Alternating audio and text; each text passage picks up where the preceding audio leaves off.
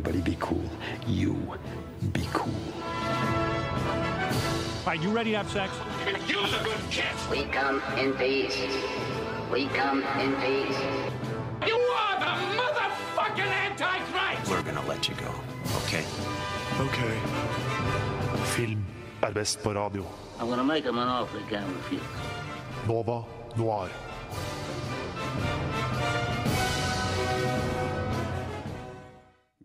Kveld, god kveld, god kveld. Uh, jeg skulle egentlig vanligvis sagt god torsdags formiddag, for det er jo egentlig da vi sender det her. Uh, vanligvis live på formiddagen fra Radio Nå sine lokaler, men akkurat nå så sitter vi i studio her på en onsdags kveld. Eh, vi har ikke fått det vanlige studioet vårt, så det er liksom todelt. Jeg sitter her på én side ved miksebordet og føler meg litt som Dr. Dre, og min mann Lars beskrev meg som Howard Stern. Og på andre sida av bordet mitt, jeg er jo selvfølgelig ikke alene her. Eh, jeg nevnte Lars allerede, til min høyre på andre sida av glasset. Introduser deg. Hallo, jeg er Lars. Jeg er vel produsentbuddyen til eh, Kim akkurat denne sendingen her. Ja. Veldig bra. Går det bra med? Det var veldig bra, herregud. Godt å være i studio. Og til min venstre på andre sida av glasset, Hei sann, jeg heter Karl Aksel Lyby. my boy. Jeg er så glad for å være her. Jeg er Howard Stern sitt barn. Du er det, ja? Ja. Du har litt sånn Howard Stern-vibes jeg- egentlig over det. Jeg er litt enig, egentlig. Han er litt, eh, litt faren min. Lite grann. Du mangler bare det der krøllete håret, da. Ja, jeg, har, jeg har litt grann, eh, krøller, men det er liksom litt blondt. eh, Eller litt mørkebrunt. da kanskje. Ja, Så trenger du solbrillene også. Ja, og det er swag, de. Mm. Det er skikkelig swag. Veldig, veldig bra. Uh, vi er jo egentlig ikke her for å, for å egentlig snakke om settinga eller noe, jeg bare prøver å uh, male et bilde for dere. Så hvis dere hører, hvis dere hører T-bane uh, lyder i bakgrunnen, så er det også en del av sjarmen, da, egentlig. Men eh, vi er jo selvfølgelig da Nova Noir. Vi er Radio Novas eminente filmprogram, flaggskip filmprogram, uh, vil noen driste seg til å si. Jeg er noen. Uh, og vi er her i dag for å snakke om Denis Villeneuve. Oh yeah. Hell yeah. Vi har fått tidligere kritikk for å bruke ordet spesial egentlig når det kommer til nesten alle sendingene våre, så i spite av dem som kritiserer oss, som er ganske ofte, eh, så skal vi kalle det for en De- Denis Villeneuve spesial. Han er spesiell. Han er ganske spesiell. Han, han har fortjent ordet spesiell, eller spesial. Det er, uh, hvis det er én regissør som fortjener det, bortsett fra Peter Jackson, så er det han. Absolutt, absolutt. Så vi har et godt knippe med filmer her. Vi skal snakke om uh, Prisoners, vi skal snakke om Sicario, vi skal snakke om Blade Runner 2049, vi skal snakke om Dune. Og vi skal snakke litt om uh, Mannen, mysteriet og legenden Villeneuve, og også litt sånn hva vi egentlig Liksom veien hans fremover, og hva vi håper og hva vi forventer å se fra han. Og før det så skal vi ta og snakke om hva vi har sett siden sist. Sett siden sist. Sett siden sist. Sett siden sist. Sett siden sist. Sett siden sist.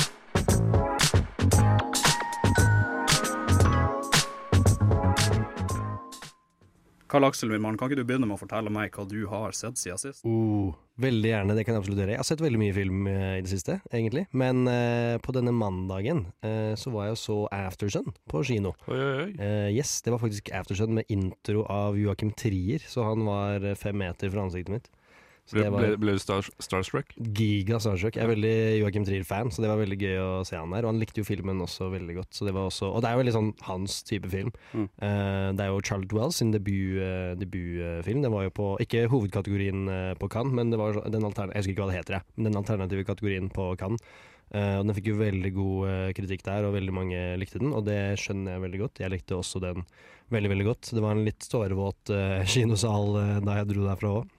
Det var veldig mange andre som også var veldig veldig veldig glad i den, virket det som. Så det, det var en veldig god kinoopplevelse, egentlig. Men jeg føler at uh, det har vært veldig mye prat om den i Nova blant liksom filmmiljøet. Det er kanskje ikke like sånn stor sånn big picture vinner, mm. men liksom lever Jeg føler det er så mye hype uten akkurat nå. Jeg føler et ekstremt hype når jeg ser den. Liksom alle før PMA var utsolgt.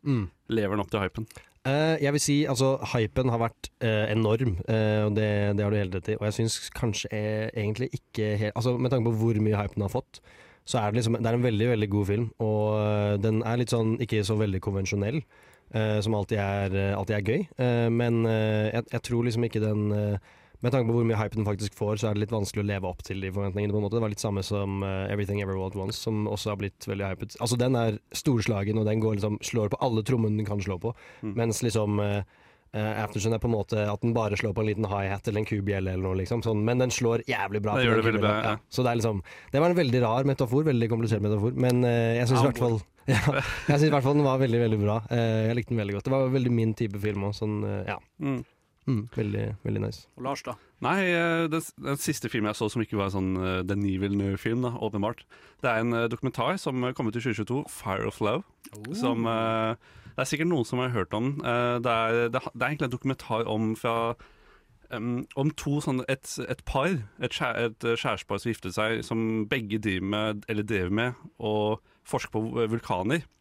Sånne volcanologists, eller hva man eh, skal kalle det, i Frankrike. Og det, de, eh, det, dette ble jo spoilet, eh, eller sagt helt i starten av filmen, de er jo døde. Eh, Men de, under etterforskningene sine og ekspedisjonene sine på alle disse utallige vulkannivåer, så katal liksom, de tok masse bilder, de tok ekstremt mye video. Liksom god sånn der eh, eh, 70-talls eh, Hvis jeg skal gjette 16 mm-film, da. Så det er sånn der eh, Og de, greia er at det, det, det som Og de har sånn de har, Det er en veldig sånn visuelt, da. Og det, dette er jo ekte. De har så veldig Wes Anderson-stil i hvordan de kler seg. De går med sånn der lyseblå drakter og disse røde, knæsj røde beaniesene som de har på seg som en sånn filmbro-måte. Sånn, de dekker ikke ørene. Og du er jo en ganske uttalt Wes Anderson-fan også. Jeg er det. uh, og det er, den, den lever jo opp til det, med hvordan den uh, klipper dem. Og jeg, jeg tror de har et lite hint, eller vet at de lever litt i en Wes Anderson-verden der, eller det er der han har tatt inspirasjonen sin. Eh, bare for å gå på en liten digresjon. Uh, Life Aquatic var jo også inspirert Eller det uniformene de hadde der, som også var en rød hatt og blå outfit, var jo tatt fra en, um, en fransk sånn marinebiolog. Uh, så det er noe med franskmenn på 70-tallet som hadde sånn West Anderson-stil. Men jeg skal ikke prate om West Anderson, jeg skal prate om denne dokumentarfilmen. En fabelaktig film. Ekstremt bra soundtrack, og det er bare sånn de, de romantiserer på en måte det å leve på stipend og reise rundt i verden. De hadde jo ikke lyst på barn, de var et kjærestepar og var forelsket og sånn, men de bare I stedet for å være et romantisk par eller få barn, familie og leve et normalt liv, så bare De reiste og utforsket vulkaner og bare gjorde masse tullete ting og skrev bøker. For et liv. det, det det er et liv oppsummert på en veldig flott måte, da. Og liksom, er, det jeg skrev i min letterbox, hvis jeg husker riktig, var at den var veldig inspirerende. Det er, hvis du tenker på barn da, som i gamle dager leste bøker og faen, jeg skal bli veterinær, eller jeg skal bli sånn der eh, Hvis jeg, skal bli sånn der eh, planteperson, hva enn. Um, så er dette liksom moderne versjonen av det, da. Jeg ble sykt inspirert, og det er sånn Hvis jeg hadde sett den der før jeg bestemte meg for skulle studere, da, så hadde nok denne eh, liksom Den eh, ja, hadde blitt inspirert. Veldig bra. Eh, hvor man får sett den? Eller hvor så du den? Ehm, skal vi se uh, Jo, den var på Disney Pluss. Disney Plus, det er en del av Wow. National Geographic-pakken i Disney Pluss. Jo, Disney Pluss Jeg har jo gått on the record for å skyte på Netflix Ja. flere ganger, men Disney Pluss de bare, de bare vinner mer og mer points hos meg for hver gang. Jeg vil også si at Viaplay eh, er, on the, er on a fucking roll om dagen. De har så jæklig mye bra filmer der nå. Jeg vet ikke hva som har skjedd, men eh, de har bare brukt alle pengene sine på å få inn gode filmer. Det er bare I hvert fall sånn i det siste føler jeg de har hatt veldig, veldig mye bra der. De har vel kanskje skjønt at du trenger kvalitet overfor kvantitet. Ja, det, kan, eh, det er eh, motpol for eh, Netflix. Jeg føler det er litt sånn som da uh, musikkstrømmetjenestene også plutselig skulle begynne å ta igjen Spotify sitt enorme kvantesprang, liksom, Mm. forsprang. Uh, og så så du Apple Music og Tidal for eksempel begynte å satse veldig på sånn eksklusive album, sånn som Life of Pablo og Kanye Mm. West var bare på Tidal, og uh, Frank Oceans i Blonde var bare på Apple Music osv., og så videre, og så gjør liksom ikke Spotify en drit, for de trenger ikke Netflix. Og så til eh, ja, Apple Music ble vel konkurransedyktig. Eh, men man ser i hvert fall at den tidlige toppdagen da bare på en måte havner litt bakpå, da, spesielt Netflix, som uh, gleder hjertet mitt, må jeg si. Ja, så dere har egentlig sett to kjempebra filmer. Ja, absolutt. Hva har du sett, Kim? Jeg har ikke sett en jævla drit. sånn på ekte. jeg har ikke sett en jævla drit i det siste. Ok, okay, men Hvis vi vrir om det, istedenfor hva du har sett, hva du har lyst til å se? Og uh, jeg har veldig, veldig veldig lyst til å se den Babylon, den som går på Ah, Kina. ja, ja. Mm. Um, jeg syns sånn det er et sånn rart konsept, egentlig.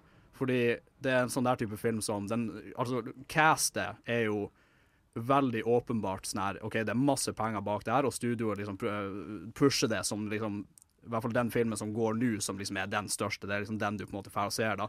uh, nå etter at alle sammen har vært og sett Avatar. Men samtidig så er det sånn her konseptet virker bare så sykt sånn snevert, ikke sant. Det handler om hva det er, Hollywood, eh, eller liksom gullalderen, The Roaring Twenties, ikke sant. Og Det er jo Damien Chazelle også, som lagde La La Land og First Man, blant annet. Og Whiplash. Og Whiplash. Ja, hvordan kan jeg glemme Whiplash? Så det er liksom sånn her, det er sånn her type film som lever i to verdener, på en måte. Sånn her, de åpenbart prøver å appellere veldig til liksom, den mannen i gata, men samtidig så er den på en måte ikke not, By nature er den liksom ikke ment for mann i gata, eller i hvert fall sånn på papiret. da Så jeg er veldig sånn intrigued av det, og liksom hvordan type film det er. Og så har jeg hørt mye bra om den også. Hørt mye bra, men jeg har også hørt mye mikset. Liksom at det er, noen sier at, at det er jo Damien Chazelle sin liksom første sånn nesten Ikke flopp, da, men liksom liten nedtur, da. Eh, Så det er jo spennende å se om eh, Jeg har, jeg har ikke sett den, jeg heller. Har veldig lyst til å se den. Jeg tror det var Embla i redaksjonen vår som skrev på Letterboxd uh, at den lå an til å være sånn ti av ti film for henne halvveis ut i filmen, og så var det bare ett eller annet som gikk eh, ganske ad undas. Uh, men sånn er jo det. Jeg har ikke sett all verdens, men jeg har lyst til å se Babylon. Uh, guttene her har sett to kjempegode filmer, og ja, det er egentlig litt sånn det som har skjedd med oss de siste. Uh, vi skal ta og høre på musikk, og når vi kommer tilbake, så skal vi sette i gang med Villeneuve-spesialen vår. Egentlig bare må begynne med å snakke om mannen og egentlig våre erfaringer med han.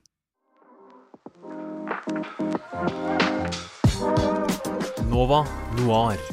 Film på radio. Hver torsdag 10 til 12, eller i din podkast-app når som helst. Yes, sir. Nova Noir. Vi sitter her på en torsdags-onsdagskveld, og det her blir sendt på en torsdags formiddag, som jeg allerede har vært inne på.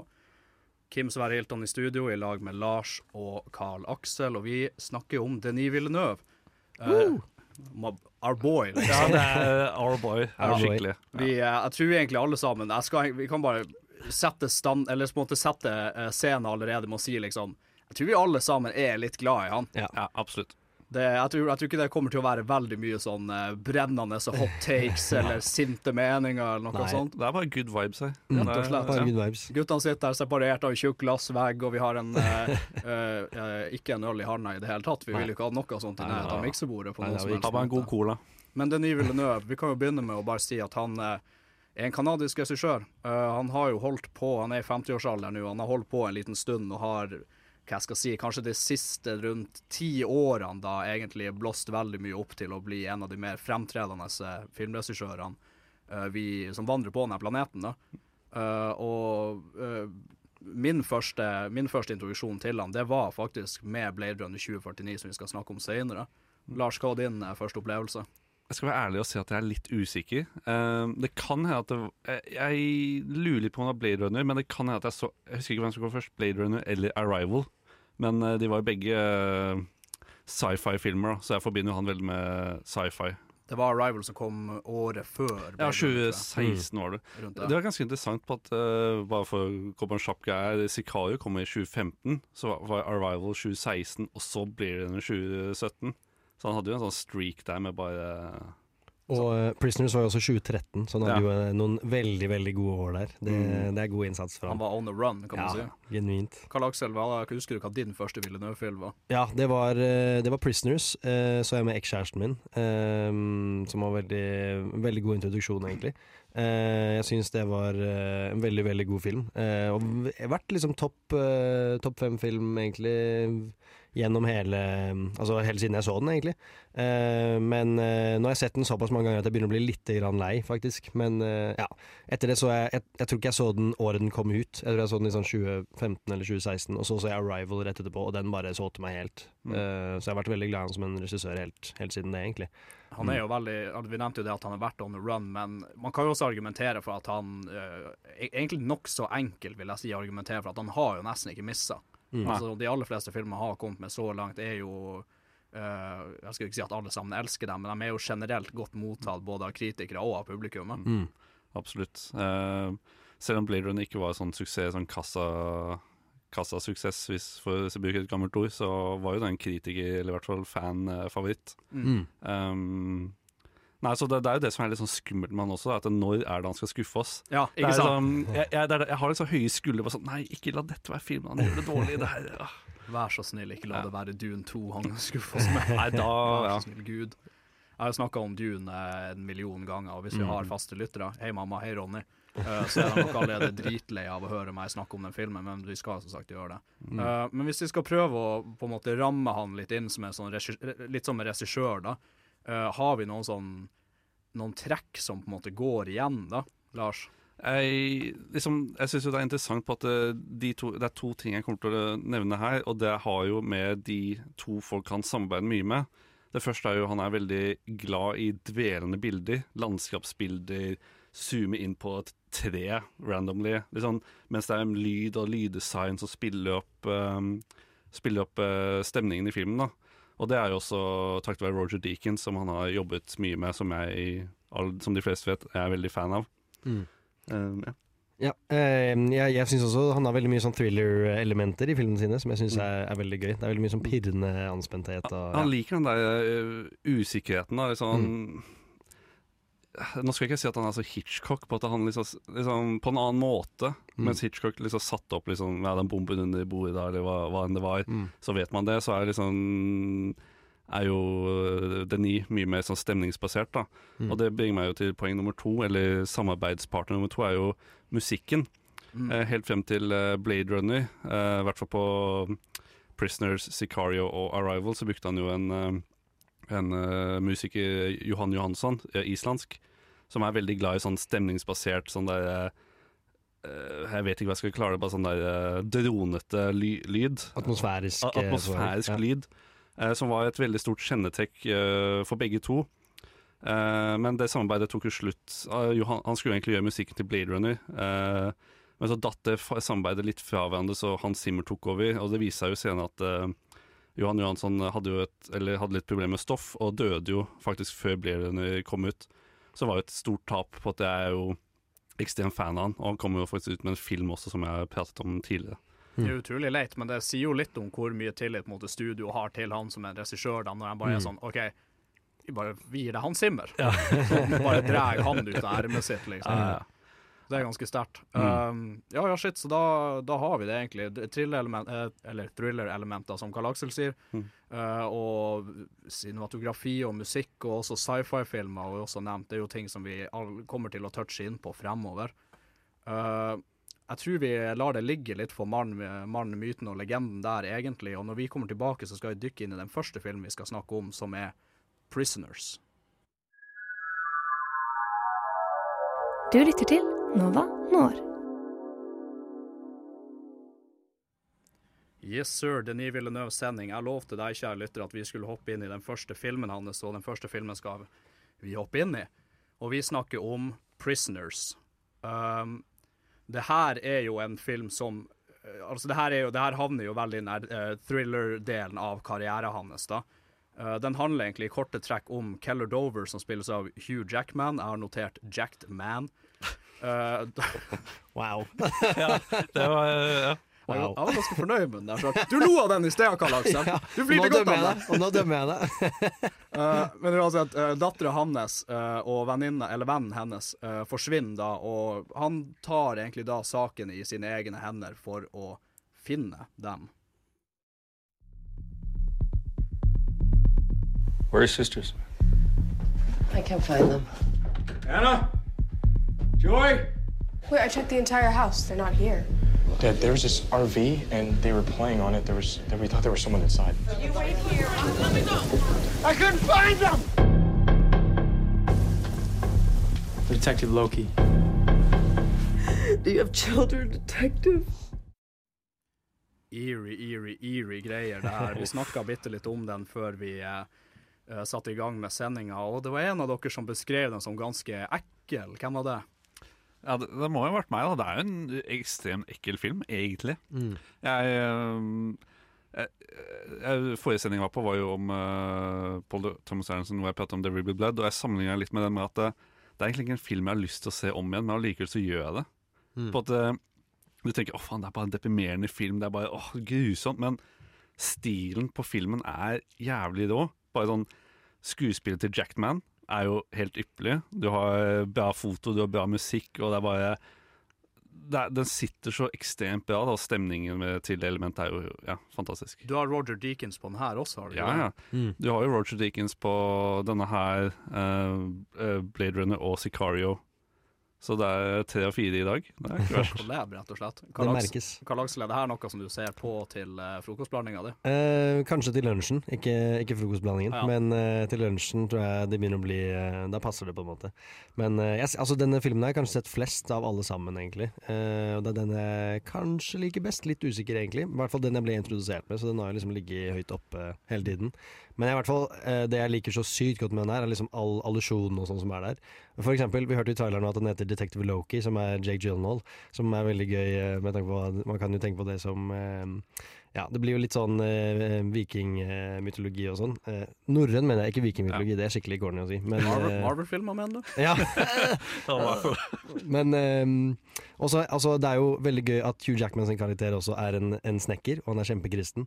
Og så blir han bare forvandlet til et menneske som eh, Ja, vi, ehm, ikke for å spoile altfor mye, men han gjør jo helt veldig ikke-kristenvennlige ting, da.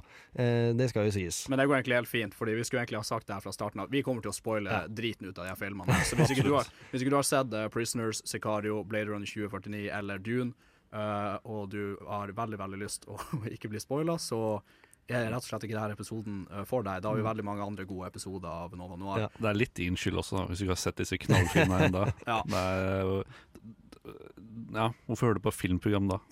Oi, jeg går ikke til angrep. Men Karl Aksel, du, du nevnte litt det med at han, eh, han går liksom gjennom en endring, Hugh Mm. Jackman. Ja. Eh, og gjennom alle de fucka tingene som skjer gjennom filmen. Mm. Uh, kan du ta oss litt, nå som vi har etablert at det her er spoiler, et spoiler-inkluderende arrangement, kan du ta oss litt gjennom hva som skjer? Han er jo den eh, klassiske kristne faren til å begynne med. Eh, ta med altså, Eller nå skal jeg si amerikanske klass, klassiske kristne faren. også, Eh, sånn evangelisk kristen fra USA eh, som tar med gutta sine ut på jakting. Eller gutten sin, mener jeg. Gu- Guttungen sin ut på, på jakt, og de dreper en hjort til å begynne med. En liten stag.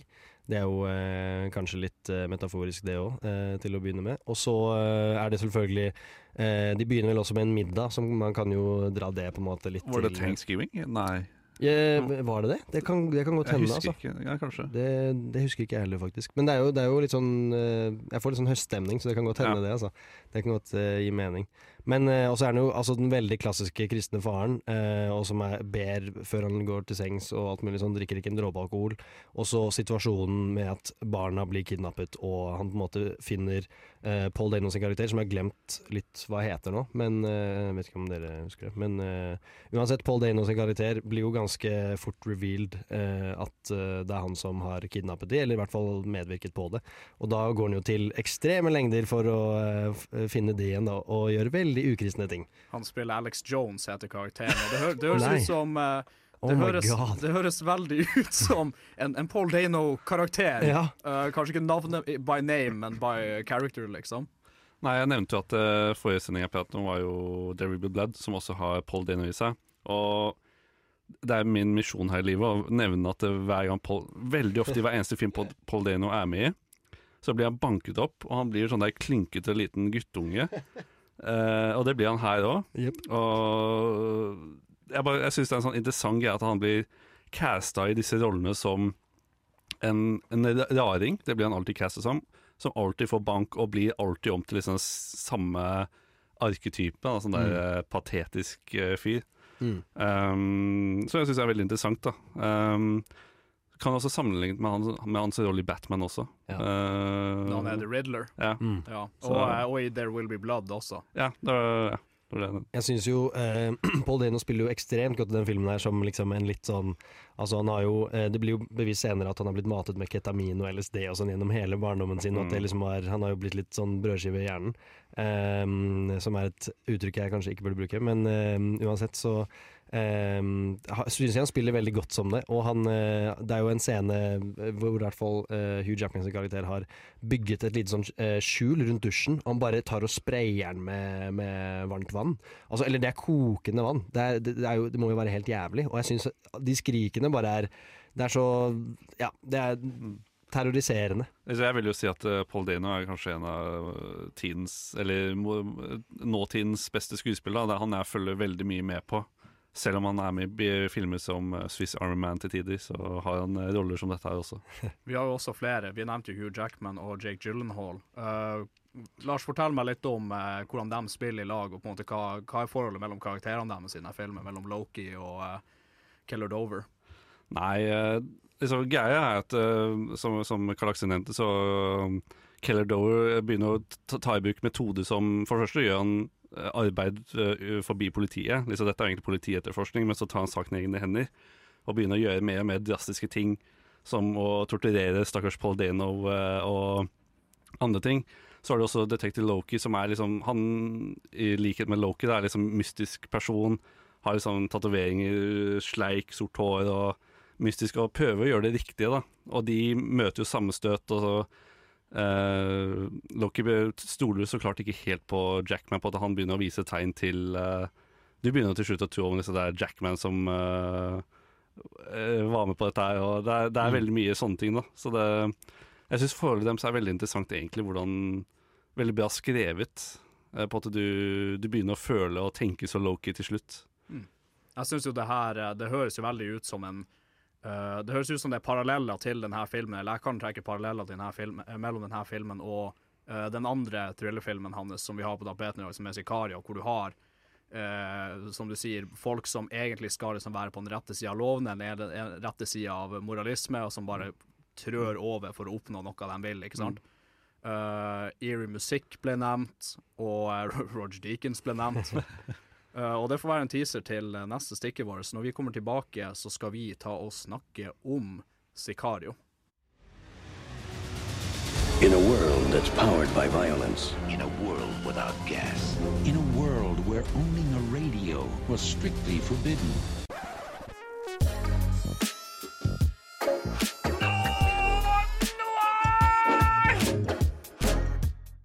Det er sånn cirka akkurat så entusiastisk jeg også er for å sitte her i studio i dag. Jeg regner med dere også, gutter? Absolutt. Herlig, herlig. Uh, Superentusiastisk for neste film vi skal snakke om. Det er Denis Villeneuve-sending, som sagt. Vi går over til nok en uh, thriller, og det er Sicario. Karl Aksel, ta oss gjennom en liten uh, Sett scenen for oss. Veldig gjerne. I, i, Villeneuve, eh, 2015-thriller Sicario møter vi Kate Mazer, som er spilt av Emily Blunt, da hun leder et razzia på et skjulested tilknyttet det meksikanske kartellet innenfor delstaten Arizona. I skjulestedet uh, finner de flere titalls lemlestede og råtnende lik i veggene, og to politibetjenter blir drept da en bombe blir utløst. Etter oppdraget melder Macer seg frivillig til en spesialstyrke innenfor FBI, som er skapt for å krakke ned på og for å skape kaos blant de øvre rangene innenfor det hierarkiske systemet til Sonora-kartellet i Mexico. Vi følger dermed hennes reise over USA-Mexico-grensen og hennes introduksjon til de uortodokse og ofte ulovlige metodene som blir brukt for å håndtere dette kartellet, da.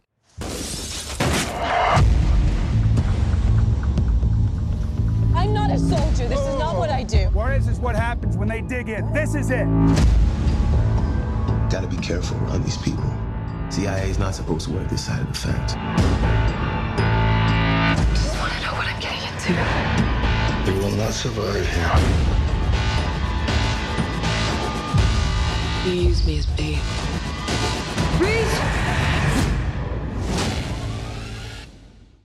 Dramatiske, dramatiske greier nok en gang. Sicario fortsetter jo, uh, som eh, Karl Aksel var inne på, den dramatiske thriller-run til Denis Villeneuve. Uh, jeg kan jo også ta og spille litt på det og si at jeg syns det her var en dritbra film. Det er jo kanskje den uh, sånn suspensmessig vil jeg si at det er kanskje en av hans beste filmer. Mm. På at det er så lange strekk i noen steder av filmen hvor du bare Den bare holder, holder grep da, over om det. Sånn som når um, Det er jo det er en ganske relativt tidlig film, kanskje sånn sju minutter, halvtime i filmen, så blir Kate med i en konvoie ned i uh, Huais, eller hvordan man sier det. Beklager uttalelsen. Uh, og ting uh, Hun vet ikke hva som skjer, hun vet ikke hvorfor hun er der. Hun bare blir med på denne turen. Det er suspens, det er skyting i bakgrunnen, og ting ser ut til å gå bra. Og så havner de i den der uh, traffic jammen rett på grensen. Og det har vært sånn kvarter, 20 minutter med bare sånn, sånn der dun, dun, dun, sånn der tromme i bakgrunnen, sånn suspens. Og så kommer det shootouten. Den, den scenen er helt, faen, helt vill. Ja, jeg, jeg syns det er så sykt sterk eh, start på filmen i det hele tatt. I hvert fall den derre- jeg syns intro nå er bare helt crazy. Hvor de, altså det, det skjulestedet til kartellet, hvor de bare finner masse likposer i, i veggene, liksom. Sånn, egentlig veldig dårlig gjemt. Da. Sånn, det er jo bare, det er bare sånn gipsvegger imellom. Men, eh, men, men uansett så er det jo en gigantisk bra intro, syns jeg. Også, som du sier òg, Lars, det tar jo veldig kort tid før det liksom går videre til Mm. Det er nesten, Jeg vil nesten si det er det mest eh, anspente øyeblikket i hele filmen. Nesten annet enn den eh, avsluttende middagsscenen. Ja, absolutt. Og en ting som jeg noterte meg i mine notater som ikke er helt men samtidig litt sant, er at jeg skrev det som en overraskende kort plott i, i gåsetegn, med at eh, det er, Jeg vet ikke hvordan jeg skal forklare det, men det er jo bare henne, henne som er med på disse to-tre turene. Og Nei, jeg vet ikke hvordan jeg skal si det, men altså, det er jo altså, det er mye som skjer på kort tid, føler jeg. da Ja, det den- føles som det bare var i et par uker, egentlig. En uke, eller noe sånt. Ja, det, det er det det virker som. Og Ja, nei, jeg, jeg syns det er Filmen føles ikke så lang. Den er på eh, knappe to timer. Men det føles ut som bare en sånn time eller et eller annet. På at det, det bare går til, til neste det, det stopper veldig sjelden, føler jeg. da Det er alltid noe suspens, alltid noe som holder deg overvåken Mm. over på hva det neste som skjer, kan bli. da Eh, Et veldig godt eh, virkemiddel jeg liker med denne filmen, her er at vi, blir på en måte med i reisen på hva hun lærer om oppdraget hun er med på. Sånn, eh, og det ut, utfolder seg mens vi liksom er med og, og ser hva som skjer, som jeg syns er bare så sykt lett virkemiddel. Og også veldig sånn i denne situasjonen her hvor vi vet jo ingenting, og så sånn halvveis innom vet vi at ok, vi skal kanskje kidnappe en leder av et kartell. Eh, det er det vi kanskje skal gjøre. Bare low-key greier, ikke noe, ikke noe stress, på en Ja. måte. Og så blir det jo bare dypere, og hele plottet viser seg å være en eh, Altså, de samarbeider med det colombianske kartellet, og det er liksom hele plot-twisten. Som er en helt syk plot-twist! Sånn, eh, første gang jeg så den, ble jeg jo helt sånn Å ja, ok, han har bare vært på eh, det colombianske kartellet sin side hele tiden. Det er jo helt vilt. Ja, herregud. For alt de, alt de spiller på, eh, de, eh, som liksom skal slåss mot kartellet, er jo akkurat det at sånn Ja, det vi gjør er helt fucked up, men du rettferdiggjør med det som det på en måte Det, er- Mm. det er liksom et vanlig plott, da. Men hun har liksom prøvd så mye, og de sier at, det er at du, du kan liksom prøve å bare ta en bøtte med vann ut av havet, ikke sant, men det funker ikke. Eh, og samtidig så har du jo Daniel Kalu- Kaluuya sin karakter i bakgrunnen som er litt sånn uh, the voice of reason, ikke sant. Så man får liksom de her begge sidene, uh, og ser liksom hvordan hun blir liksom trukket imellom det å på en måte gjøre det rette, eller gjøre jobben sin sånn som hun egentlig skal gjøre den, eller gjøre det med effekter og faktisk forhåpentligvis kunne utrette noe. da. Mm. Jeg syns også det er veldig kult at uh, det blir jo vist senere at de egentlig bare er et virkemiddel som gjør at de kan ha en sånn internasjonal jurisdikasjon for å kunne faktisk utføre oppdraget, på en Mm. måte. Det er bare en, liksom en, en sånn uh, juridisk brikke som gjør at de faktisk kan dra og eh, kidnappe denne kartellfyren og gjøre det semi-lovlig, på en måte. Det er Og det, veldig det, kult. det er så nedslående også. På at hun er jo hun er litt motvillig med å være med på dette her, og så begynner hun mer og mer å bli gira. Og så når hun begynner å føle seg som en del av dette, her da, så bare Nei, du er egentlig bare så at vi kan gjøre jobben vår. Det, er sånn, det er sånn skikkelig sånn punch in the gut. da Og jeg, jeg så jo også filmen på nytt igjen uh, i stad, og så hadde jeg helt glemt uh, den scenen hvor uh, de går gjennom denne tunnelskytingen osv. Og, så og så følger jo eh, så, så følger jo Kate Hun følger jo Benicio del Toro sin karakter ut av hullen, og da prøver han å kidnappe Eller han klarer jo å kidnappe denne politimannen, som vi følger også gjennom hele filmen, uten å egentlig vite hvorfor han er med helt til på slutten her, da. Eh, og da sikter hun jo pistolen mot han, og ha, hun er jo ikke kl- klar for det han gjør, og han skyter jo henne to ganger i, i kevlarvesten kevlar-vesten sin. Det var eh, Jeg hadde helt glemt den scenen. Det var veldig gøy å se på. Og så sier han sånn 'don't ever point a gun at me'. Ja. bare, det, det bare viser liksom sånn hvor seriøst det her er Ja, for han, og liksom sånn her hvor, hvor reell den jævla kampen om liv og død er når han faen opererer på andre siden av grensa og sånn. Nei, Benicio del Toro sin karakter er jo en veldig sånn sterk karakter. Sånn, han er litt sånn en silent uh, badass-fyren gjennom hele oppdraget. Og så får du på slutten vite hva som skjedde med familien hans, hvorfor han har denne vendettaen mot familien. Eh, kort forklart da, så ble jo, ble jo kona halshugd og datteren kastet i et badekar fullt av syre. Ikke verre, nei. Nei, ikke, ikke verre. Eh, så det er derfor han går etter denne eh, kartellederen, da. Men eh, liksom det jeg sitter igjen med da etter å ha sett eh, filmen for, Dette er vel andre gang jeg ser den, tror jeg. At det er kanskje en av de mest perfekte fish out of water-filmene. Liksom det at du er Det er, det er, veldig, det er en sånn trend i film. da sånn Rookie first mission, du lærer sånn the ropes. Men så kommer du Men denne her bare sitter så jævlig bra. På at du, du føler den der forvirringen til um, Emily Blunt så utrolig kraftig. Mm. Og er, jeg, jeg sliter med å komme på en film som gjør det like bra, da, eller i nærheten av det. Jeg syns også at den er filma på så vanvittig bra måte. Det er spesielt én scene, husker jeg. Jeg tror de er i Texas. De er liksom på trygg runde, og så står de oppe på taket der de liksom holder til å planlegge opera operasjonen sin. Og så ser de egentlig rett over på måte grensa til Mexico, og da hører man bare sånn bare, Man ser bare smell, og det er liksom helt sånn Det er helt krigssone der, ikke sant? Mm. Uh, og bare den, den wideshoten der uh, som viser hvor forskjellig det på en måte er, selv om det er egentlig er 100, 100 meter, 200 meter i luftlinje, liksom, men det er en Mm. mur imellom. Mm. Jeg syns det er helt vilt. Ja. Nei, jeg, synes også det, jeg vet jo det har vært masse Det var jo nylig han ene Guzman-sønnen til han eh, José Guzman, eller hva han het. Skuespiller? Nei, eh, altså en ekte, kartell, eh, ja, et ekte ja. kartellmedlem i Mexico ble jo eh, ja, arrestert nå El nylig. Chapo. Ja, ja, sønnen til El Chapo var det. Han heter jo José Guzman eller et eller annet, han sønnen, tror jeg. Eller samme hva han heter. Men det, faktisk, de tingene skjedde jo faktisk noe nylig i eh, store deler av Mexico, hvor de bare lagde sånn riots. Altså kartellet bare skjøt opp byer og sånn fordi et kartellmedlem sin sønn ble, mm, ble arrestert og liksom fraktet til USA. Mm. Extradited, eller hva, jeg husker ikke hva det er på norsk. Men det, det viser jo litt hva slags folk det dreier seg om. da. De, de går helt ville lengder bare fordi det er en sånn symbolsk medlem i kartellet, liksom. Det er ganske vilt. Jeg syns bare det var sånn artig peik til det også, fordi den jævla El Chapo er jo sluppet unna fengsel sånn her sikkert 30 ganger. han, han har gra- gravd tunneler og tatt backflip av taket, liksom. Sånn han, har han har alle måtene du kan rømme ut av et jævla fengsel på, det har han gjort. Um, Du føler liksom Det jeg sitter igjen med også, er egentlig det at uh, du føler på denne håpløsheten da med situasjonen. Um, med at du har den store muren, men det er bare tunneler overalt. Det er, du, det er skyting i denne by, byen på andre siden av grensen der. Så du, du sitter jo veldig igjen med den følelsen at faen, vi, er dette kanskje sånn det er må, ting vi må gjøre bare for å få jobben gjort? da? At, eh, ja, det, er på ja, det er så håpløst, føler jeg. da. Jeg, jeg sitter hjemme med sånn skummel sånn der, hul følelse i kroppen. Sånn, faen, det, det, jeg, jeg vet ikke. Det er, det er en ekkel følelse du sitter igjen med, egentlig. og likevel så er en sånn type film, litt sånn som du sa, Lars, med 'Prisoner', som du fortsatt har lyst til å se om Ja, igjen. absolutt. Mm. Herregud. Det er, det, det er så bra satt sammen. og liksom, jeg, jeg vil bare se film bare for å se de første 20-30 minuttene med det, helt frem til sh- shootouten. Mm. Og det, ja.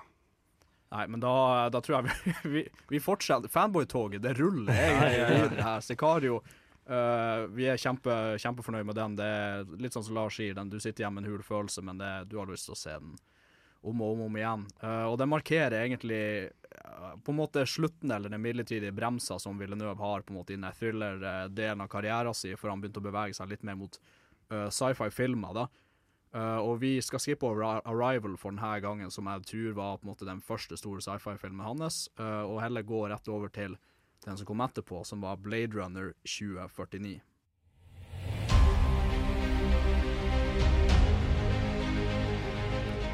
En radio.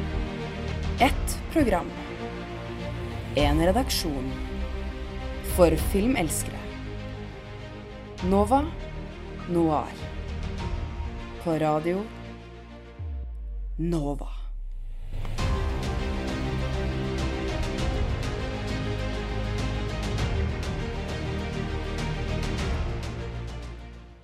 Det stemmer det. Det er Nova Noir på Radio Nova. Det er Kim, det er Lars og det er Karl Aksel i studio som sitter her. Denis Villeneuve spesial, og vi har beveget oss fra Prisoners, vi har beveget oss fra Sicario, og vi går videre til Blade Runner 2049. Og fy søren om vi har kommet oss videre. Dette er jo Blade Runner 2049, oppfølgeren til Blade Runner fra 1982. Eh, kort forklart, så du følger jo en um, replicant som, heter, som går under navnet Kay, som er spilt av Ryan Gosling. Uh, han uh, jobber som en uh, ja, han jobber som en Blade Runner, hvor han går og knerter replicants, annet Dave Batista, i sin kanskje første seriøse rolle i sin filmkarriere. Det var her han begynte å bli stor. Du har jo også, i, i reprise så har du jo uh, selveste Harrison Ford, som gjentar sin rolle som Deckard. Som var, vi, man er fortsatt usikker på om han er en replicant fra, uh, fra første filmen, eller om han er et menneske. Uh, spørsmålet blir, er uforklart. Et av de store åpne spørsmålene. Ja, uh, og det forblir åpent. Du har Anna de Armas, og du har Anna de Imus, ja, Imas, og Jared Leto, eh, som i denne knalloppfølgeren. There is an order to things. That's what we do here. We keep order. The world is built on a wall that separates kind. Tell either side there's no wall. You bought a war.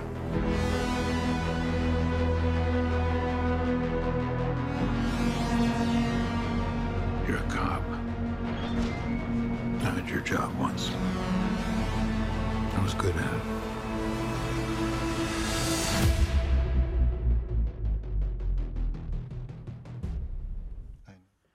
Det her er vel Villeneuve sin første hva jeg skal kalle det, en franchise-film, egentlig, som Lars var inne på. Uh, og jeg så egentlig denne filmen før jeg så den originale Blade Runner. Uh, visste egentlig ikke helt hva jeg gikk inn til. Jeg bare hørte at ja, shit, den her skal være bra, og så den. Og ja, blew me away, ass. Den var faen meg bra. Det er jo en Det er jo min favorittfilm av alle disse her. Eh, Blade Runner 749 er jo en av mine toppfilmer of all time. Jeg så den jo fire ganger på under et år. Jeg så den først på Colosseum kino når den kom ut. Eh, så kjøpte jeg den i spesial steelbook-utgave når den kom ut på Blu-ray Så når Imax-kinoen i Oslo åpnet, så så jeg den der. Og så, så viste Cinemateken knappe under et år før det hadde vært et år, da. Så da tok jeg den da. Og det er, det er en helt vill film. Mm. Eh, bare sånn visuelt, musikalsk og bare storymessig. Det er eh, Jeg merker at når det er filmer jeg er glad i, så begynner jeg å si ting, at ting er bra, men jeg klarer ikke helt å sette ord på det, på at det er så mye følelser bak det. Mm. På at det, det, det, det er den perfekte oppfølger, hvis jeg får lov til å si det. da Så sånn Deichim, du hadde jo ikke sett originalet først, eh, og den står veldig fint på egne bein.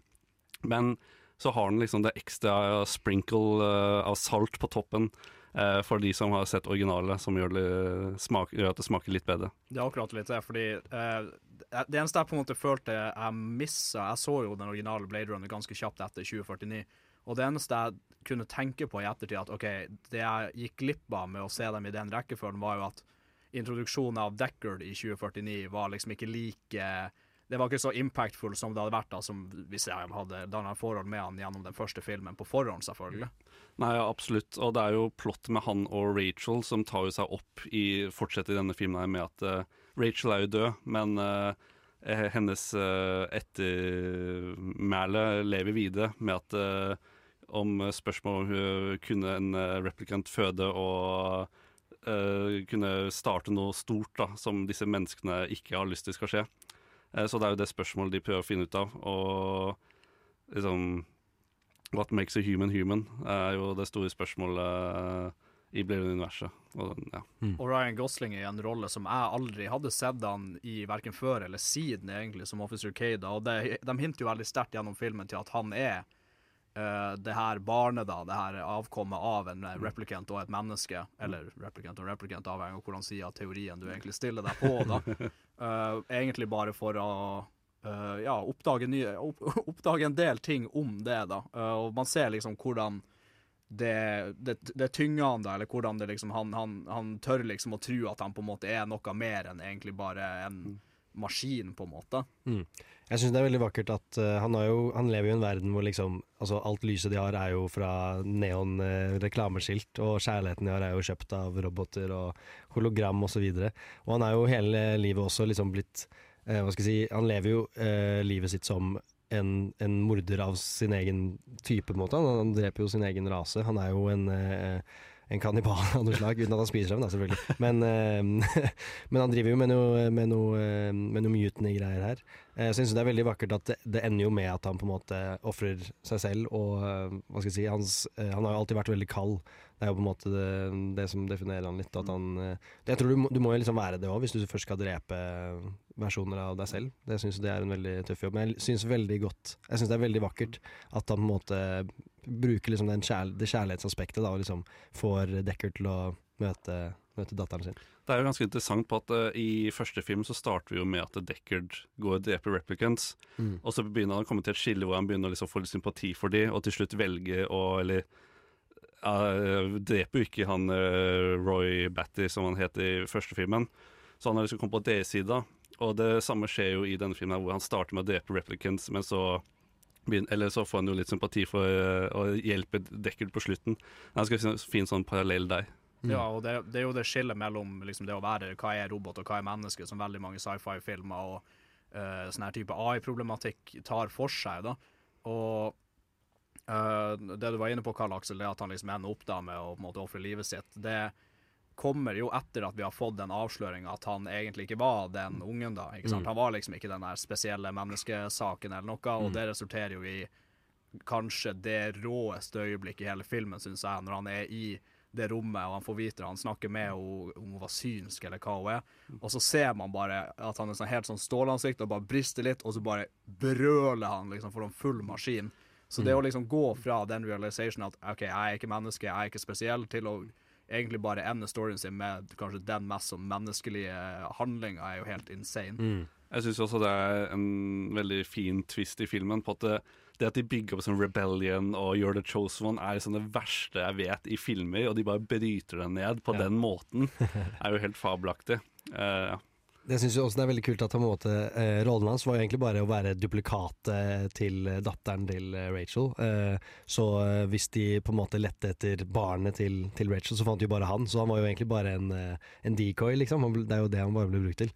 Som er en ganske sånn Det er en trist realitet, egentlig. Eh, når du tror du er den fødte, the chosen one, så er du bare en decoy. En ting som er litt sånn hyggelig i realitet, er at vi har jo Jared Leto i en rolle nå som han faktisk ikke suger. Eller som ikke er forferdelig. Det er helt sant. Uh, eller altså, det er jo en veldig sånn Jared Leto Vi snakka litt om det, Lars, men det er jo en veldig sånn Jared Leto-rolle. Ja, men absolutt. bare contain til at det liksom ikke går helt over the top og liksom blir litt sånn ekkelt. Trodde dere han method acta å være blind til den filmen der? Ja, helt sikkert. Det er sikkert å sendte sånne øyeballer til folk i posten eller noe. ja, helt sikkert. Ja, men jeg tror nok de bare skrev rollen OK, jeg har lyst til å ha Jared Leto i filmen. Hvordan, hva, hva passer han i den filmen? Altså Så bare lagde rollen ut fra det. Men eh, hva syns du om eh, utseendet av filmen Lars? Jeg har Ah, ganske god tro du, på at du liker den. wow, du stiller de vanskelige spørsmålene, Karl Aksel. Nei, dette er jo også en film av uh, filmfotograf Roger Deakins. Uh, for de som ikke fulgte med for en halvtime siden, så er jeg veldig stor fan. Uh, og det er jo dette, Han har gjort Shawshank Redemption og masse storfilmer, blitt Oscar-nominert en haug med ganger. Og det er her han vinner den. Og det er så verdig. Uh, og det er ja, Som sagt, da, når det er noe jeg liker, så er det vanskelig å sette ord på det. For det den, den er bare så helhetlig. Den har liksom det at uh, han fortsetter med sine neonlysene fra original Blade Runner, men samtidig går til hvite, sterile områder og lager det til noe ferskt og nytt, men samtidig fortsetter med gamle Blade Runner. Det er en sånn perfekt balanse og ypperlig gjort. Det er jo en ting som mange sier om filmer som ser bra ut, at du kan liksom pause den her på hvordan som helst tidspunkt, og så er det et wallpaper. Mm. Men denne filmen er faktisk Mm. det. Sånn her, hver, hver eneste frame i denne filmen kan du liksom ha som skrivebordsbakgrunn på PC-en din, fordi Mm. det ser Mm. bare så jævlig sånn scenic ut og fargerikt, og det har så mye preg og dynamikk i seg. Ja. Jeg synes det er veldig gøy. Det, det virker som at de bare har kost seg skikkelig med liksom, lyssettinger og sånn her. At de bare har eksperimentert skikkelig og fått det skikkelig til òg. Mm. Så neonlysene og sånn, bare i sentrum der, til alt det oransje lyset på, eh, på den eh, eh, Deckard sin, eh, sin del av byen. Og så har vi Harrison Ford, da, selvfølgelig, som returnerer. Vi var jo inne på det. Deckard Mm. han dukker jo opp i gamle franchiser som han har vært med i titt og ofte. Ja. Og jeg syns han gjør en veldig bra rolle her. Jeg syns alltid det er herlig å se den mannen på film. Liksom, du merker jo at han, er, han liker denne rollen her. Eh, Hvis du bare så presseturneen hans med Ryan Gosling, så han lo jo bare De kødda så mye. Og du, det, liksom, du merker når Harrison Ford liker det han gjør, og det han, når han ikke liker det han gjør, sånn som de nye Star Wars-filmene. Han, si, han hatet jo Star Wars. Det var overhodet ikke Star Wars-energi han brakte til det her, nei. Men han eh, hadde en Jeg syns han hadde en mer liksom, I første Runner så var han veldig stiv, eller han var sånn den hard, hardbika killing machine. Um, men han hadde litt mer sårhet her, uh, som sagt med at Rachel var død og liksom, hele den pakka der. Jeg syns han Ja, jeg syns han var eh, veldig flink i en, tv-en. Han pleier å være ganske stiv i moderne alder, og flink, men han uh, hadde en sårhet her som jeg syns var veldig fin. Jeg tror vi skal nå ta og Det er dags nå for at vi går fra Lars sin favorittfilm i denne rekka til uh, det som er min favorittfilm, tror jeg. Uh, nok en sci-fi-film som er gått, uh, og nok en franchise-film, eller det som da, takk fuckings gud, kommer til å bli, eller har vist seg at det skal bli en franchise-film, eller en del av en franchise. Eh, og da snakker jeg selvfølgelig om uh, Denis Villeneuve sin adaptasjon av Frank Herbert sin eh, sci-fi-klassiker Dune. Og nå er vi drøye! wow, wow, wow. Og så er det sånn, men dere er jo egentlig ikke det. Nova Noir. Og da skal vi bevege oss over til dagens siste Villeneuve-film, i hvert fall som vi har dedikert et helt stikk til, kjære lytter. Som alltid, så Eller kanskje ikke som alltid, men i hvert fall eh, som alltid akkurat i dag. Akkurat denne gangen så er det meg, Kim, og det er Lars, og det er min mann Karl Aksel som sitter her i studio og koser oss med Denis, Denis Villeneuve spesial. Uh, Dune, det her er jo ja, jeg nevnte det innledningsvis da jeg var inne på Blade Runner 2049 Stikk, at det her er jo min favorittfilm, fordi jeg er veldig stor fan av bøkene. Uh, og jeg er veldig fornøyd med hvordan denne filmen uh, ble adaptert. da. Men jeg kan jo gi en liten backstory til den, og hva det egentlig handler om. da, fordi det her er jo det er svære greier. Det er en tjukk bok som ble um, dekka, så jeg skal ikke gå inn på alt, men bare sånn helt kjapt, bare for å liksom sette scener, som jeg har vært så glad i å si i dag. Uh, så handler egentlig denne filmen, eller denne historien, er satt i en fjern, fjern fremtid hvor mennesker har uh, på en måte utvikla seg uh, uten å Ikke med hjelp av roboter, da, egentlig. Så vi ser egentlig hva som har, eller hvordan de da kan ha utvikla seg med at vi har menneskelige roboter, og vi har nærmest hekser som på en måte kan ikke lese tanker, men de er, liksom, de er så spesialisert i hvordan de uh, studerer mennesker. Uh, og så, Du har egentlig det med sånn superhumans, da. Og midt i det her universet, da, så er ørkenplaneten Arrakis, uh, hvor vi finner The Spice Arrakis, nei, The Spice Melange, som er liksom det mest verdifulle materialet i hele universet. Det du finner bare på den ørkenplaneten. Og adelsfamilien Atreides får på et eller annet tidspunkt tildelt ansvaret for denne planeten av keiseren som da setter uh, arvtakeren til husets tittel, Paul Atreides, spilt av Timothy Chalamet, inn i en veldig prekær situasjon hvor han egentlig blir kasta litt til ulvene og er nødt til å lære seg å overleve i universets farligste sted. We are House Atreides. There is no call we do not answer. There is no faith that we betray. Smile, Gurney. I am smiling. The Emperor asks us to bring peace to Arrakis. House Atreides accepts. I know you. There's something awakening in my mind. You need to face your fears. Come with me.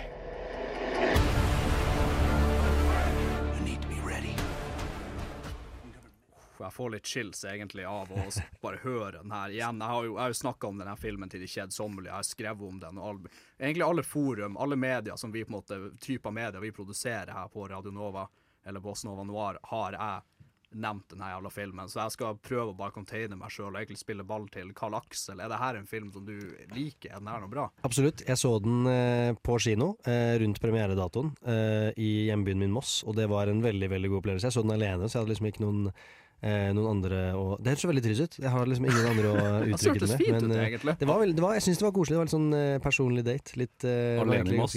Alene i Moss. Det er, ikke, det er ikke en hyggelig ting, men eh, det er to dårlige ting. Å være alene og i Moss. Nei, men uansett. eh, filmen synes Direkte farlig, jeg. ja, det er det. Men filmen syns jeg var veldig bra. Eh, Jeg likte den sånn helhetlig veldig godt. Og den, var, den er så sykt fin å se på. Helt vanvittig. Den igjen med sånn every frame of painting. Den her er genuint det gjennomgående gjennom hele. Og da kan jeg bare gå videre på at dette er jo første Eller ja, ja første film etter eh, Blade Runner og sånt hvor Roger Deakins ikke er med. Men eh, det kommer kanskje ikke som overraskelse at det er jo samme fotograf som gjorde Batman-filmen nå, som er på Dune. Mm. Eh, Greg Frazier, som også er en veldig dyktig fotograf som jeg er veldig fan av også. Og da snakker vi den nylige The Batman. Den nye med Pattison. Stemmer, stemmer. Ba Battison. Ja, Batman. R-Pat. Gjorde litt comeback. Nei, Altså, ja, nei, det er en nydelig visuell film. Absolutt. Og altså, han, han, klarer jo, han klarer jo å fange liksom, den grandiositeten av liksom, hvor jævla svært det er. altså, det her universet er. Jeg kommer til å bruke det her ordet en million ganger. Men liksom, hvor stort planeten er, og hvor, god, hvor stor scalen er. Eh, og noe av det sykeste som de brukte ganske heavy i promoteringa i traileren til filmen, er jo uh, hvordan de har designa de sandormene. Altså, det her er jo en ørkenplanet, egentlig, da.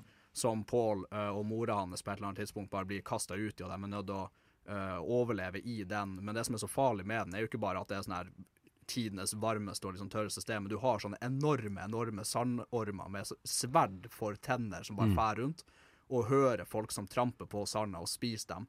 Og måten det var liksom frama på, med liksom Paul og mora bare sånn står som sånn miniatyrfigurer foran den der svære liksom sånn der sandpenisen med sabeltanntenner, liksom, som bare stiger helt vilt. Og, Ja. Nei, jeg syns også eh, sånn, eh, verdensbildingen og sånn her Synes jeg bare er helt, eh, helt crazy. Jeg er veldig glad i at eh, eh, det er viet veldig mye tid bare til å se svære romskip bare lette fra, fra veldig fancy og, og veldig sånn eh, verden Altså helt syke planeter og helt, helt syk naturskildring og bare Det er et veldig vakkert univers. Det er veldig gøy at uh, den uh, hjemplaneten her, Atreides er jo filmet i Norge. eh, oppe i mm, Ja, faen hva er det? uh, like, jeg har familie oppe i Selje. Det er ikke så langt unna Selje for de som vet hvor det er i, på Vestlandet. Ja, ja. Eh, men jo, det jeg skulle på å si, er at eh, eh, dette er jo også en eh, neste store franchisen Denis hopper på etter Blade Runner, eh, som også er en risikosport på at det er jo hvis jeg skal være kjip, da, i gåstegn, nerdete greier. Det er en nerdete bok, det er stort source material som er veldig, veldig tørt uh, å komme seg gjennom. Uh, så det at de de gjorde en veldig sånn taktisk smart grep da, med at de fikk alle disse store, kjente skuespillerne med. Josh Brolin er jo gjenganger fra Sicario, men du fikk jo Zendaya. Du får med alle disse tenåringsjentene med. Eller Timothy også får du også tenåringsjentene med. Får, han, han, dekker, han dekker, dekker seg veldig godt da, med markedsføring for at denne skal tjene penger, i motsetning til Blade Runner, som ikke gjorde det så bra pengemessig. Har en liten sånn innvending på det, som jeg, eh, og det er en ting som jeg irriterte meg vettet av meg med promoteringa, var at eh, det her er jo Dune part 1, da, vel å merke, som tar for seg del 1 av boka, så del 2 må på en måte lages. Men det føltes som Warner Brothers holdt den filmen litt som gissel, for de turte ikke å greenlighte, kanskje fordi Blade Runner 2049 ikke var en stor kassasuksess, men de turte liksom ikke helt å greenlighte del 2 av Dune, med mindre Dune 1 gjorde det bra, og det førte liksom til at Denis måtte være gjennom hele den pressrunen sin, så måtte jeg egentlig Demny trygle folk om å se den på kino. Men De- Denis tok et lite, hvis jeg skal være litt grov, tok et balletak på Warner Bros. med at uh, i introen til filmen så står det Dune. Part one. Stemmer, så stemmer. Det, det, er- er jo det der uh, alfa-move. eh. Big dick energy. ja. Ja, jeg elsker det. Så nei, det er veld, veldig bra gjort, det der, altså.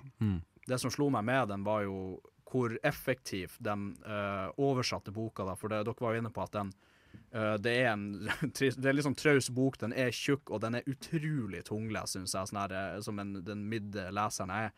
Uh, og det er så mye info, og det er så mye law-building. og det er liksom Det er sånn Lord of the Rings-level med detaljer, liksom. Og vi har jo sett feilaktige forsøk på å adoptere det her til filmmediet, med David Lynch, var det ikke det, som hadde en film som kom ut på 80-tallet som egentlig bare er blitt en meme om at den var så utrolig dårlig, og Lynch sjøl har jo bare sagt at han vil ikke bli kobles til den i det hele tatt. Mhm. Av mange forskjellige grunner som vi ikke skal gå inn på. Uh, men jeg, det jeg prøver å si, er at det som imponerte meg så sinnssykt mye med den, var at den tok alt det her. Den klarte liksom å ta all den her infoen og ikke bare grave seg til det som var mest essensielt og viktig å få med seg, eh, men også at den på en måte forklarte det på en sånn naturlig måte. Det var liksom passa godt inn i en sånn dagligtale. Det kom som en sånn sidegreie, og det var liksom aldri i hvert fall for min del, da, liksom for forvirrende. Jeg følte liksom alltid at jeg hadde en grei peiling på hvordan denne verden fungerte, og liksom hvorfor ting var sånn som det var. Jeg har jo aldri lest uh, bøkene, og jeg, jeg syns jo det var en veldig forstå, et forståelig univers. Eller jeg skjønte jo det grunnleggende med Spice, en øykeplanet og disse ormene. Det var liksom det jeg visste. Så det, som en eh, nybegynner i Dune-universet, så var den jo veldig lett forståelig. Um, jeg syns det var interessant at du nevnte Ringenes herre. på at Det jeg satt igjen med etter jeg så filmen, var jo en Fellowship of the Ring-opplevelse. Mm. På at den hadde en ekstremt god worldbuilding og satte opp noe videre. Men der, hvis jeg skal være kjip, da, der den gjorde et feilsteg i forhold til Fellowship, var at eh, siste halvdel, da, eller når eh, Atreides blir kastet ut, av, og ut i økten, så jeg føler filmen detter veldig der. Den er veldig, den er veldig avhengig av toeren. Så det jeg har skrevet hos eh, notatene, er at det, eh, notatene mine, er at det, part to avhenger om jeg liker del én eller ikke i ettertid. Mm. Siden første halvdel av del én er veldig bra, men andre halvdel må jeg vite om del to er verdt det å komme gjennom, da. Jeg har også en liten, sånn, en liten kritikk eh, på en scene som jeg så der, som jeg syns var veldig sånn eh, litt sånn rar. Jeg vet ikke om det eh, Du har jo lest boken, eh, Kim, så du kan jo kanskje eh, si om jeg har en veldig ubasert mening eller ikke. Men eh, det er jo en scene hvor, eh, hvor Paul Atreides får, får denne uniformen sin som de bruker for å resirkulere vannet eh, sånn at de kan få vanntilførsel ut i ørkenen osv. Og, så og måten han blir liksom anerkjent på som eh, Hva skal jeg si eh, eh, Det profesien har liksom eh, spådd, da, at han liksom er den fødte som er den rette krigeren osv., er jo at han tar på disse strapsene til, til drakten ordentlig. jeg satt i kinosalen og så det, jeg bare var sånn Jeg, jeg syns det kunne vært en litt bedre Wow. måte å, å liksom vise at han kanskje var litt Altså the chosen one, og ikke bare at han Altså, tok på seg strapsa på drakta si riktig, liksom. Jeg syns det var en litt sånn rar scene. Jeg vet ikke om det, er det gjennomgår det i boka? Om det er noe Nei, du altså, jeg ser den, og det går det, Jeg tror nok at jeg på en måte skal dytte det litt på den samme greia som Lars var inne på, at det er liksom en del én som blir litt avhengig av en del to. Så det er liksom litt mer som et, ment som en sånn frempek. Mm. For det som har skjedd, det er jo at de her heksene som jeg nevnte, den Bene Jesuit-orden som mora til Paul er en del av, de har jo gjennom århundrer egentlig dyrka denne religionen. De har liksom bare planta denne religionen på planeten i påvente om at Paul, da, som de da forventer skal være en sånn Messias-karakter, da skal dukke opp. Uh, så egentlig er liksom hele planeten lagt opp for han, og det er det Mm. de prøver å vise med det. Ja. Uh, og ja, jeg er enig i at det er litt sånn Det er litt lett og enkelt der og da, men jeg tror vi får mye større sånn der type moments i part to. Ja, jeg vet jo den der scenen med kniven eh, Nei, den boksen hvor han tar hånden inni og så videre, og at de prøver å liksom trene han opp til det, er jo på en måte frampek på at han skal være liksom Messias, som du sier. Men uh, det var vel hun overseeren som uh, sjekket om uh, liksom overgangen fra planetbytte og sånn gikk fint. Jeg tror det var hun som var sånn Oi! Han tar på strapsen riktig, han må jo være den fødte. Det var sånn, rå. ja, det sånn, å ja, eh, det var litt, litt rart. Men det var bare en sånn kritikk hvor jeg bare satt og bare Jeg skjønte ikke helt hvorfor de måtte ha den scenen i det hele tatt. Men boka er helt vill på det der. Det, var, Ok. det er en av de tingene jeg ikke likte med boka. Som, altså Jeg likte boka, men som jeg ikke likte med boka, som gjorde at jeg fikk den litt opp i halsen et par ganger, var at i det forsøket på å bygge opp Paul, eh, Paul som liksom den karakteren som han skal være, for å liksom plassere han som den her Mm.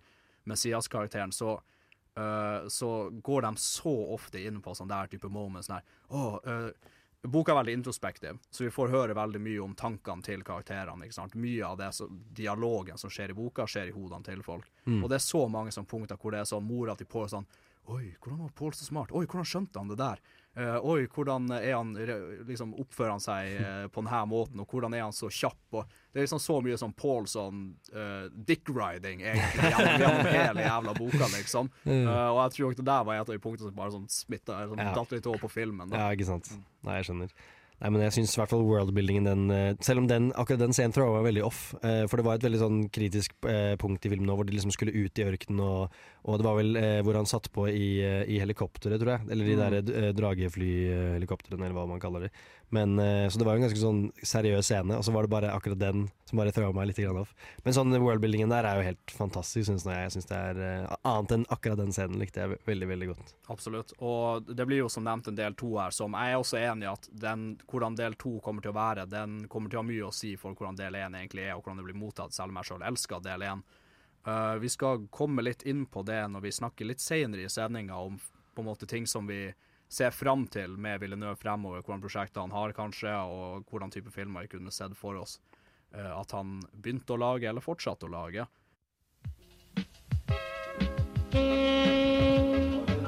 Alle tre, og så kommer Edmund og bare What the fuck?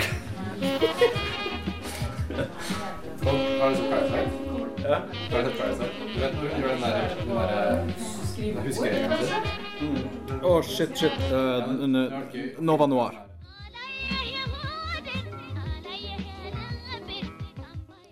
Yes, sir. Det er noe, noe som sitter her. Vi begynner å nærme oss uh, slutten på denne Denis Villeneuve-spesialen vår.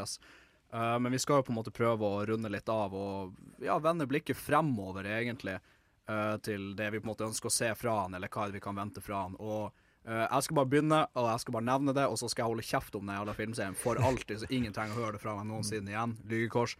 Eh, det- Dune part 2. Mm. Ja. Den kommer jo ut, var ikke det i år, i høst den kommer. Jeg gleder meg så sinnssykt, sinnssykt, sinnssykt mye.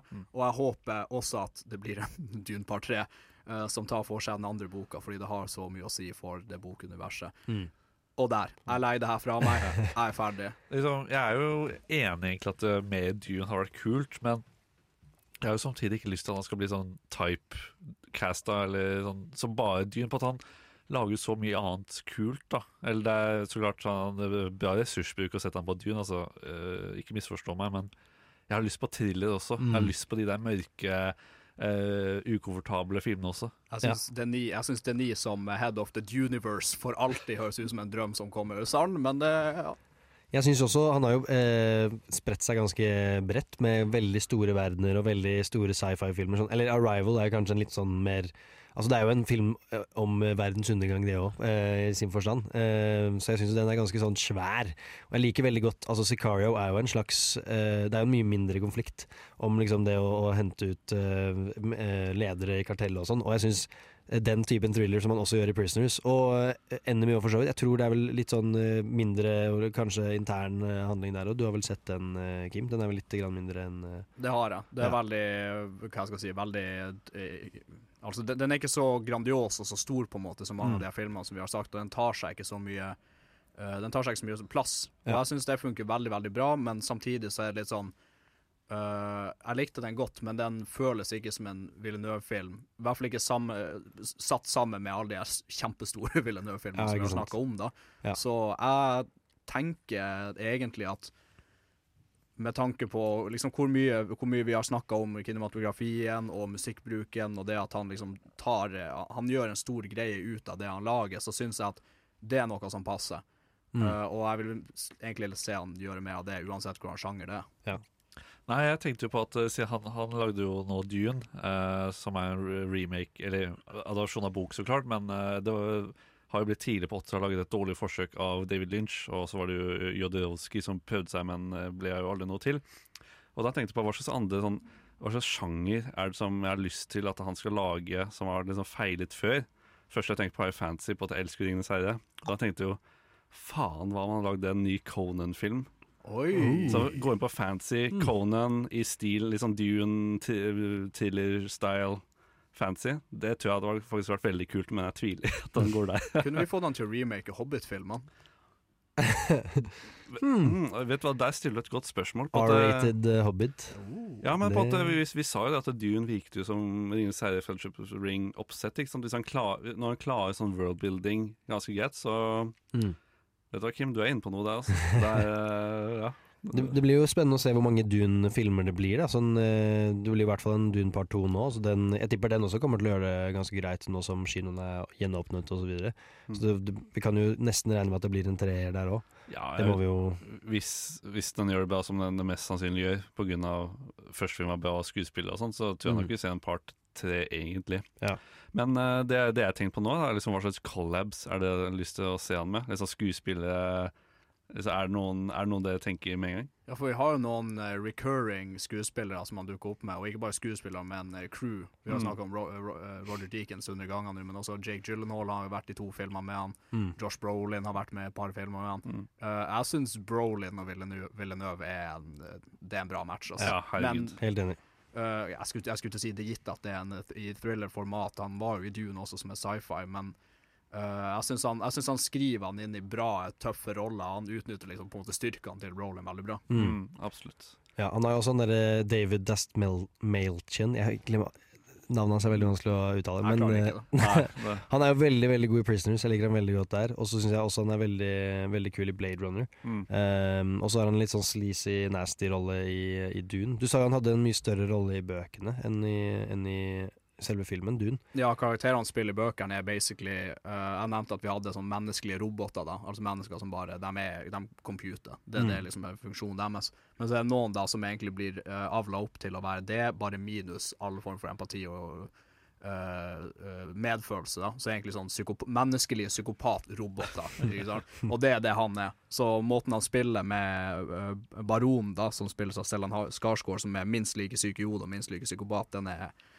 det er helt utrolig artig å se i boka. Og det er jo forståelig nok noe som man ikke fikk vise så mye i filmen, fordi filmmedium er et litt mer begrensa medium Ja. eh, tidsmessig. Jeg vil egentlig bare se mer av Stellan Skarsgård som baron. Jeg syns han så jævla kul ut i Dune, selv om han så egentlig Han var jo dritnasty, da, selvfølgelig. vi, vi så jo veldig lite av han også, Ja. egentlig. Sånn, Den, den scenen hvor han flyter liksom uh, opp i, eh, i, i det ene rommet, jeg husker ikke hva Det var vel at han ble forgifta osv. Ja. Den syns jeg er så rå. Den er så sykt rå. Han ser så Han er jo skikkelig ekkel, og han ser så Det er vanskelig å beskrive han egentlig. Han er som en svær larve. Men, eh, men Ja, bare sånn han- Bare ynke seg opp Ja. hjørnet der. Ja, men jeg syns det, var- det var så sykt kul. Jeg var, satt og måpte da jeg så den, eh, akkurat den scenen der. Det var veldig kult. Men Skarsgård i en Villeneuve-thriller.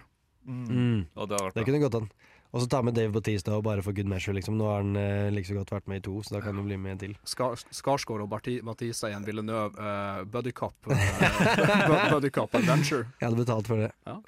Denis Villeneuve-komedie, hadde det vært noe? Hmm. Tror du han, tror, tror han klarer det? Peiling. Jeg har satt og lekte litt med tanken nå mens vi snakka om det, men jeg, jeg vet ikke hva jeg skulle Han klarer det helt sikkert. Han er jo utrolig begava, men jeg klarer ikke å se for meg hvordan det hadde vært. For det er jo veld, veldig lite humor i filmen hans. Det, er, det første jeg tenker på, er egentlig bare den der eh, fra Dune, den Smile girdy. Det er akkurat det samme.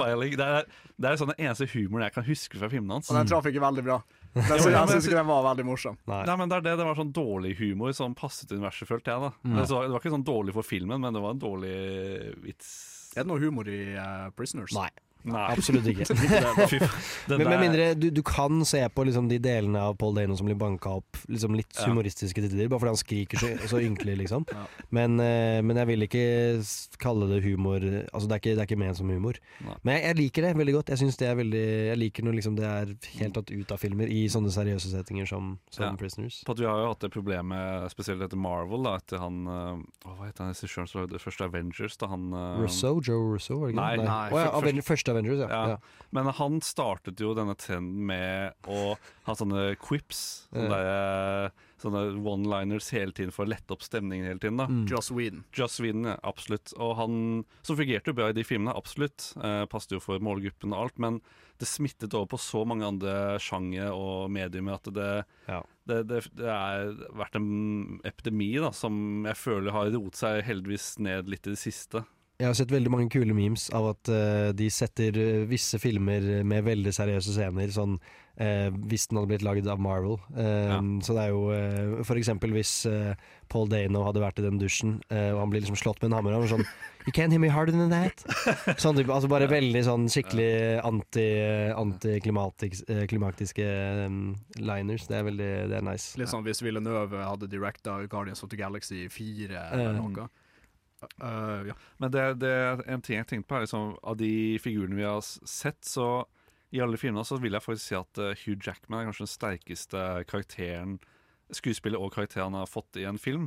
Så jeg skulle gjerne sett mer av Hugh Jackman i Denis Villeneuve sine filmer, egentlig. På at jeg syns han Mm. fikk en sånn rå energi ut av han at det er helt vilt. Uansett så tror jeg vi alle sammen gleder oss veldig til å se hva det er han kommer med neste, fordi shit, hvis historien hans er en indikator i det hele tatt, som det aller mest sannsynlig er, så er det en hit. Uh, med mindre, som sagt, som du var, var inne på, Lars, at det sånn Katti, Katti skal han feile? Katti skal denne mannen snuble? Mm. Det gjenstår å se. Uh, uansett så tar jeg, vi runder av den Villeneuve-sendinga her nå. Jeg tror egentlig vi, vi kunne sittet her og snakka om de her filmene og om det her for alltid. Eh, men akkurat sånn som film eh, Akkurat som, sånn som at film er et begrensa medium, så er radio dessverre også det. Uh, og vi skal ta og spille litt musikk, og når vi kommer tilbake, så skal vi ta og fortelle dere litt om hva dere kan glede, oss til, glede dere til fra kanalen vår fremover.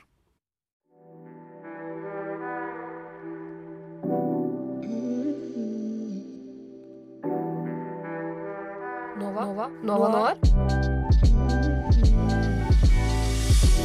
Har du fucka med noen filmer i det siste? Har du fucka med noen filmer i det siste?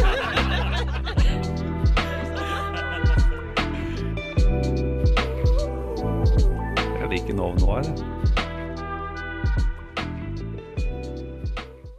Ikke med masse filmer, vi gjør ikke vi det, gutta? Absolutt. Alt for Og mange. Vi hadde Vi- Villeneuve spes eh, spesial her på Chateau Neuf. Eh, som sagt et par ganger før, så er det her en eh, preprodusert sending som er gjort på kvelden. Vi sitter i et mørkt rom. Eh, vi har liksom, liksom stemningsbelysning fra skjermene våre, så bare sånn jeg ser bare sånn bleike, vakre ansikt på andre sida i glasset. Og gutt, jeg må si jeg har storkost meg på sending med dere. Mm, det har vært så trivelig. Skikkelig lun stemning. Mm. Absolutt, absolutt. Veldig hyggelig. Så det, det er egentlig vårt inntrykk av det. Uh, vi er, kommer til å være tilgjengelig på podcast i lag med alle andre episodene våre, så du kan gå tilbake og lytte til dem hvis uh, det er tema som interesserer deg. Uh, og det er masse gøy å glede seg til fra kanalen egentlig fremover det her semesteret. Neste uke allerede, på torsdag klokken mellom 10 og 12, så skal vi ha en Guillermo del Toro-sending, og uka etter det får vi veldig spesielle gjester på besøk fra Cinema Nøff. Og vi skal snakke om Cinema Nøff-ting, hva de har på tapeten, og hva for type filmer de blir å vise. Og, De har jo ja. mye på katalogen nå utover våren, så det blir spennende å se hva de har reklamert med. Det blir veldig, veldig veldig gøy, og jeg gleder meg. Og da er det egentlig ikke noe særlig mer å gjøre enn å si tusen takk for at du var med oss, kjære lytter. Jeg har vært Kim Sverre Hilton. Jeg har vært Lars Benske. Og jeg heter Karl Aksel Lyby. What? Radio Nova.